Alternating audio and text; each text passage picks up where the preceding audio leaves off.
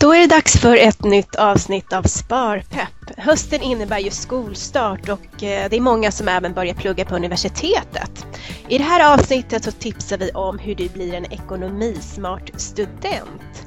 Jag heter Erika Papagiannopoulou i en undersökning som Nordea genomförde i mars 2019 så svarade nästan hälften av ungdomarna i åldern 13 till 18 år att de helt saknar eller har låg kunskap om hur man startar ett sparande eller hur man gör en budget. Och 8 av 10 har låg kunskap om sparande i fonder och aktier. Och också vad det gäller bostadslån så är det lika stor andel som inte anser sig ha tillräcklig kunskap. Och 9 av 10 tycker inte att de har tillräcklig kunskap om pensionssparande.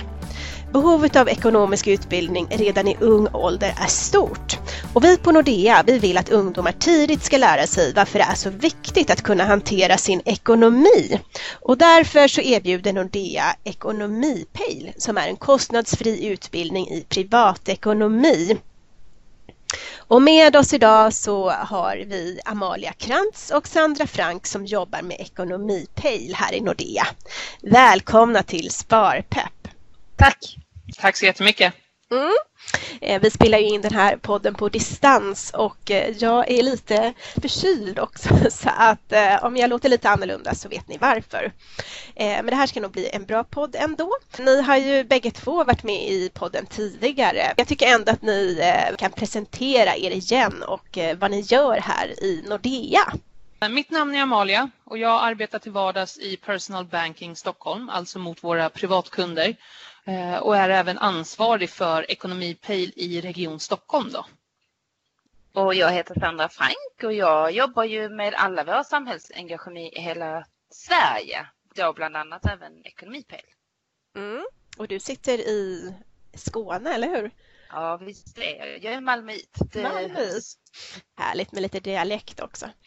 Eh, men eh, Sandra och Amalia, ni gör ju verkligen ett superbra jobb och viktigt jobb eh, med Ekonomipejl och ja, det som ni gör. Kan ni inte berätta lite mer om det konceptet? Vi har ju kört ekonomipel på riktigt kan man väl säga sedan 2008. Det hela började ju från början med att många som jobbade på banken, föräldrar, blev ombedda av lärare att komma ut i skolorna och berätta hur det var att jobba på bank och vad vi gjorde och prata om privatekonomi. Så det blev ju ganska tydligt för oss att det fanns ett behov och ett intresse av att få lära sig mer om privatekonomi. Och då skapade vi Ekonomipel. Och sedan dess har vi ju kört det med väldigt stor framgång. Eh, vi besöker helt enkelt eh, högstadieskolor och gymnasier och eh, lär ut och pratar om privatekonomi och besvarar ungdomars frågor och funderingar kring privatekonomi. Jag förstår att det är privatekonomi som ni pratar om, men kan du ge något exempel på vad det är ni brukar prata om? Ja men absolut. Vi brukar, eller jag brukar säga när jag ställer mig framför en klass att jag vill prata om ekonomi som ligger nära er idag eller inom de närmsta åren.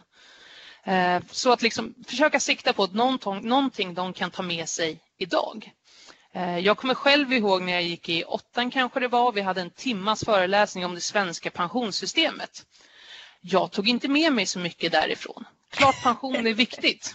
Ja, men det är väldigt, ja, men exakt, det är väldigt långt bort när du går i åttan. Så vi har dragit ner det egentligen, så vi pratar istället om vad kostar du idag? Vad kostar det att flytta hemifrån? Hur startar du ett sparande? Budget? Vilka lån ska man undvika? Och drömmar. Att det är viktigt att ha en städad ekonomi för att nå sina drömmar. Så vi försöker hålla det nära eleverna där de är just nu. Men eh, hur går det till då när ni gör ett sånt här besök? För ni åker ju ut till skolorna, eller hur? I vanliga fall. Kanske inte nu i dessa coronatider, men, men annars. Hur går ett besök till? Vi brukar oftast bli kontaktade antingen att vi får ett mejl eller att de hör av sig via kanske sociala medier eller via vår sida på nordeas.se. Ehm, och då brukar vi ta kontakt när man har hört av sig helt enkelt, boka upp en tid och ett datum och sen kommer vi ut. Medarbetare som i vanliga fall jobbar mot kund eller med andra arbetsuppgifter åker helt enkelt ut till skolan och träffar ungdomar och elever och pratar om privatekonomi. Mm. Så det är inte bara ni två som åker runt utan det är eh, många i Nordea som är med på detta? Ja, absolut. Vi är jättemånga som jobbar med det i alla olika städer där vi finns och ibland där vi inte finns eftersom vi då kan köra på distans. Och hur går det till när ni kör på distans då?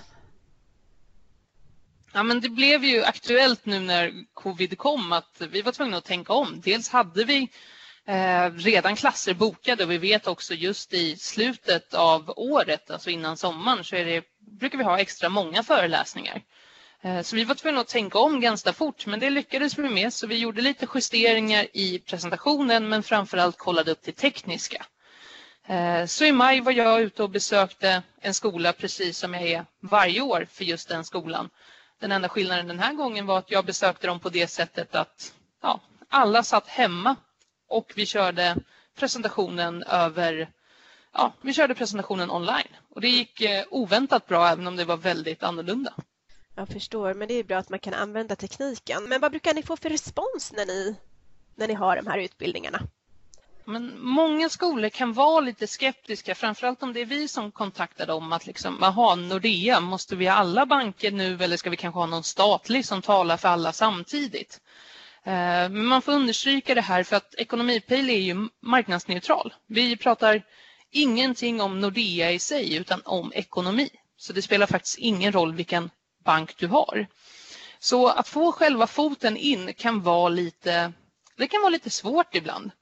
Eh, men det roliga är när vi väl har kommit ut så har jag inte träffat ännu en lärare, jag har gjort det här många, många gånger, som inte har velat ha oss tillbaka. Och på många skolor så är vi liksom en stående punkt i årsplanen. De tänker, ja men där i, där i mars, där ska vi prata ekonomi. Ja men då kommer Amalia. Mm. Eh, så jag har skolor som jag har besökt i fem år i rad nu. Och det är egentligen alla år sedan jag började köra ekonomipejl. Så vissa skolor är liksom en stående punkt i läroplanen nästan. Och det är väldigt, väldigt kul att vi får den responsen när vi väl har kommit ut. Ja, och vi får ju jättemycket fin feedback på våra föreläsare. Att de är pedagogiska, kunniga, tålmodiga, professionella. Och jag tror så det gör rätt stor skillnad som, som lärare att man vet att när vi kommer ut så har vi ett ganska heltäckande material med oss. Vi försöker lyfta så mycket som möjligt som vi vet finns i läroplanen inom området privatekonomi. Eh, så att jag tror att många känner att det blir väldigt bra för eleverna och även för lärarna som ofta kan säga att jag lärde mig lite på vägen också. Mm-hmm. Jag har en feedback som verkligen har fastnat med mig och det är en av skolorna jag besöker är min egen skola som jag gick på när jag gick högstadiet. Och där eh, har jag kontakt med min gamla samhällslärare. Då. Så det är honom jag träffar och hans nya elever. Eh, men han sa en gång så fint att när man kommer dit som en extern talare så går man automatiskt in på ett högre förtroendevärde. Man är så van att lyssna på sin lärare att man visst man lyssnar men kanske bara med ena örat. Om det kommer någon utifrån och ska prata om någonting så lyssnar man automatiskt lite mer. Det vad skoj, Nej, men det här är ju superviktigt men märker ni också på eleverna att de eh, eh, att de blir mer nyfikna än att man skulle komma dit och prata pension som du nämnde Amalia? Ja men det tycker jag och de har väldigt mycket bra funderingar när man möter dem. Sånt som vi kanske inte alltid tror att de tänker på. Och det, det är ju det som ger det lite extra guldkant när man åker ut och träffar dem. Att jag vill inte säga att de lär sig mycket av mig hoppas jag, men jag lär mig väldigt mycket av hur de tänker och vad som är på deras fundering just nu. Mm. Och det är jätteskoj. Och det är klart, att kunna ta med sig det tillbaka liksom, är ju värdefullt. Men jag tänker, vilken är den vanligaste frågan som ni brukar få? Jag får ganska ofta, de är, de är nyfikna även på mig när jag står där. Hur såg min privatekonomi ut i deras ålder? Och även om jag kanske är på eh, gymnasiet så är det mycket frågor även om min väg till banken. Har jag läst på universitetet och så vidare och så vidare. Men det är ofta mycket, något jag tycker är roligast efter en föreläsning är att gå ut och de står och hämtar böckerna i skåpet till nästa eh, klass. Eh, och då är det väldigt roligt hur de pratar med varandra för man märker att man har sått ett frö.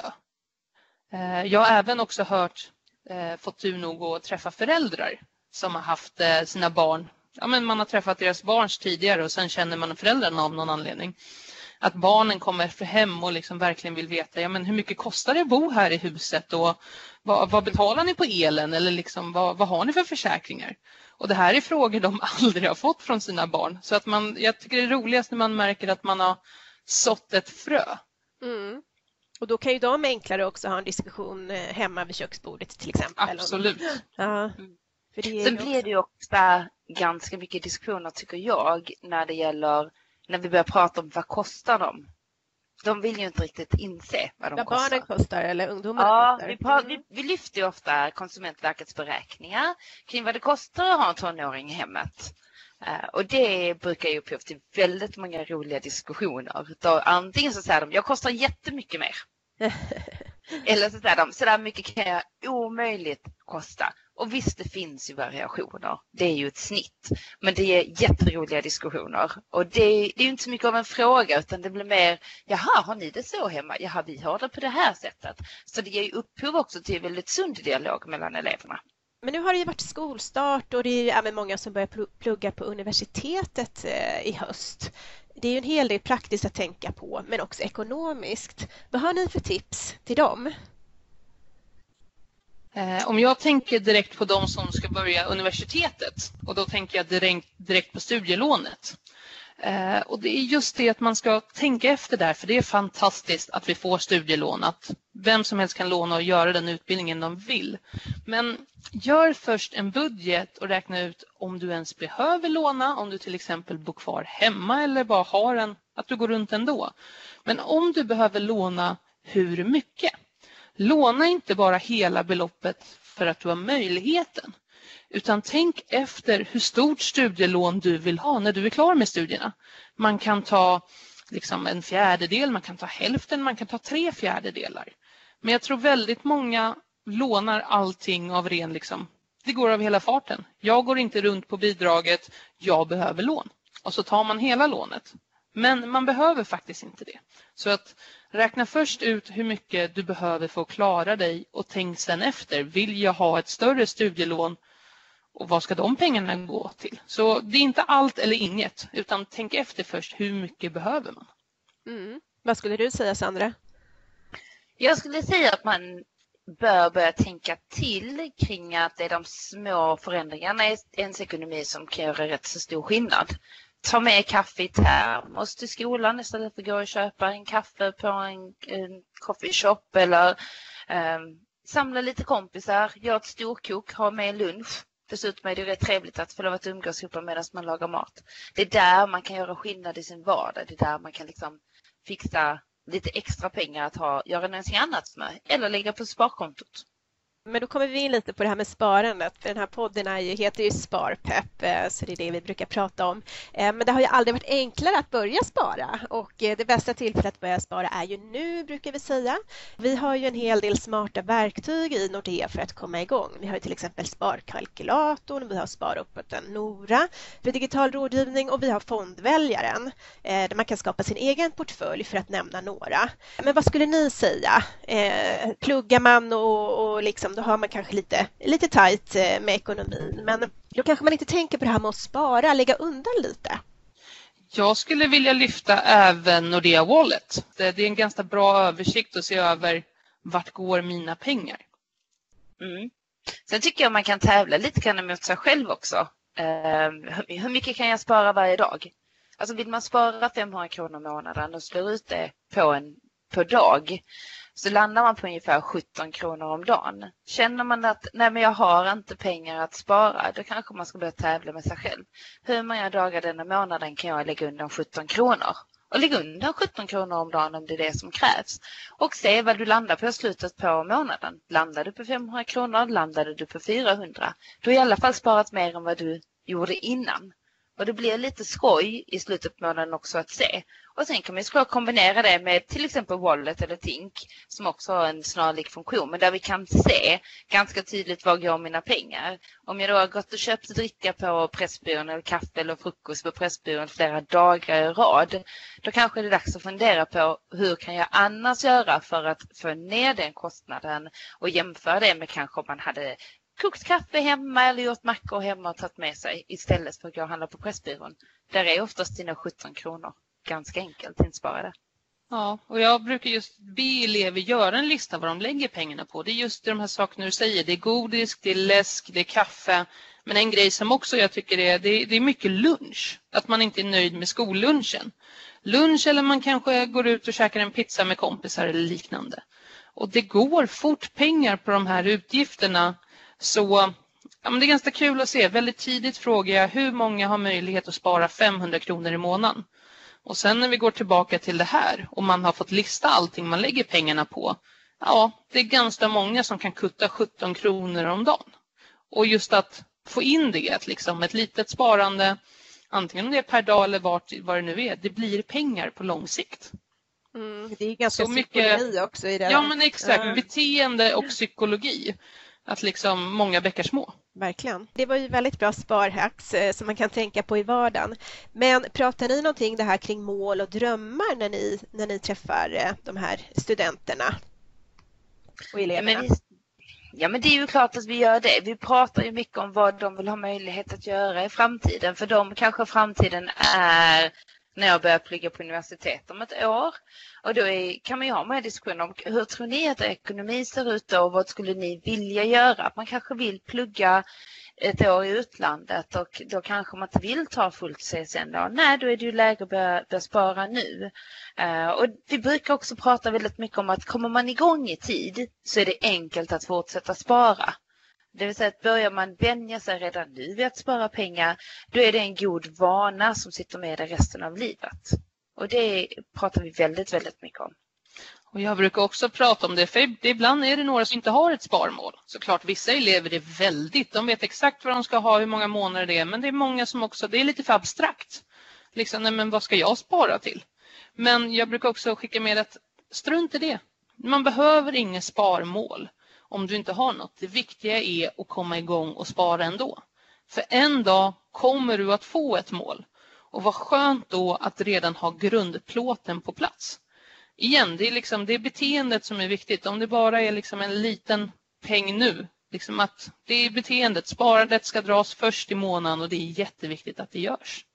Ja, det är superviktigt. Det är bra att lära sig det i tid också. Men visst har ni även utbildningar för nyanlända? Visst har vi det. Det har vi kört under drygt två år nu skulle jag säga. Eh, vi brukar prata om ganska grundläggande saker som gäller banken i Sverige. Hur funkar bank i Sverige eller eh, vilken typ av legitimation behöver du ha för att göra ett bankärende? Och så pratar vi ganska mycket om banksekretessen som är ju rimligen unik i Sverige. Eh, och det, det, har varit väldigt uppskattat. Amalia, du har varit ute på ganska många sådana och du kanske vill berätta lite mer? Ja, jag har varit ute och följt med många men jag har inte hållit så många i just det här ämnet för att när vi fick frågan så satte vi ihop en presentation och gjorde det. Den första gjorde vi på engelska. Men sen märkte vi att ja, men, vi har väldigt många nationaliteter på Nordea eh, och många liksom, vet de kanske själva varit nyanlända men ofta deras föräldrar har varit nyanlända. Eh, så när vi kollade runt lite så kunde vi faktiskt komma ut och säga att vi besöker en SFI-klass för nyanlända som pratar arabiska. Ja, men då hade vi föreläsare som kunde ta det på arabiska. Så den här föreläsningen har vi faktiskt gjort på arabiska många, många gånger. Vi har även gjort den på ryska och vi har gjort den på farsi och flera andra språk. Och här någonstans har vi faktiskt jag tror SFI-läraren, vi har, vi har golvat dem. Att säga liksom, vilket språk vill ni ha det på? Ja men absolut, vi kikar och sen har vi faktiskt löst det varje gång. Så vi har lite golvat dem. Och även när man har språket med sig, man har ju också en förståelse för kulturen på ett annat sätt. Man liksom har ofta de, nu, nu förstår inte jag ofta det som sägs på de här för jag kan inte ryska. Men eh, när jag har pratat med dem efteråt och man hörde att de, liksom, de, de tog ett sidospår, då är det någonting som liksom verkligen ett mervärde att kunna ta det här sidospåret för att förstå liksom den kulturella skillnaden. Eh, så det är faktiskt ett väldigt coolt projekt som blev något annat än vad vi kanske tänkte först. Mm. Mm. Mm. Häftigt. Verkligen viktigt också. Var kan man hitta mer information om man är intresserad av en föreläsning? Mest information får man om man går in på nordea.se ekonomipel. Där har vi väldigt mycket information om alla våra olika sorters ekonomipel som vi kör, bland annat om nyanlända och privatekonomi som vi har pratat om idag. Eh, och där där kan man även göra en intresseanmälan och när man har gjort den då eh, blir man kontaktad av någon som jobbar i det området där man befinner sig regionalt och som bokar upp ett besök och kommer ut till skolan. Är det någonting som ni skulle vilja avrunda med och, eh, och säga till de som lyssnar på, på Sparpepp? Ja men absolut och det, det är de som lyssnar på Sparpepp absolut men någonting jag måste, brukar alltid säga hos klasserna och det här är en line som jag egentligen har snott från dig Sandra men som jag tycker väldigt mycket om. Eh, och det är ju just att när man är Ja, men när man går i åttan så man har inte särskilt stora ekonomiska val. Man har ingen stor ekonomi. Det är småpengar som går hit och dit. Men om du gör ett bra val mellan att köpa kaffe på en coffeeshop eller brygga kaffe hemma eller vad du nu gör. Bra val i en liten ekonomi kommer även ge bra val när du den dagen har en större ekonomi. Så börja i tid och gör bra val oberoende om hur stora pengasummor det är. För det är själva beteendet vi vill åt att tänka efter när du gör ett ekonomiskt val. Det låter ju som en otroligt bra avslutning. Då säger jag tack Sandra och Amalia för att ni gästade Sparpepp idag. Tack! Tack så jättemycket att vi fick vara med. Ha det så bra. Vi hörs. Detsamma. Detsamma. Hej! Vi kan även tipsa om att Nordeas privatekonom Ingela Gabrielsson har skrivit en blogg där hon tipsar om hur man får ett ekonomismart studentliv. Och den hittar du på nordea.com och vi har lagt ut länken i poddbeskrivningen. Och Ingela hon kommer gästa podden om två veckor tillsammans med Nordeas familjerättsjurist Caroline Törnqvist och de kommer prata om hur privatekonomin kan påverkas vid en skilsmässa eller separation. Men då säger jag eh, tack för att ni har lyssnat och eh, lycka till med både studierna och sparandet i höst. Och välkommen att skicka in förslag på teman och gäster och då mejlar du till sparpepp Vi hörs om två veckor igen.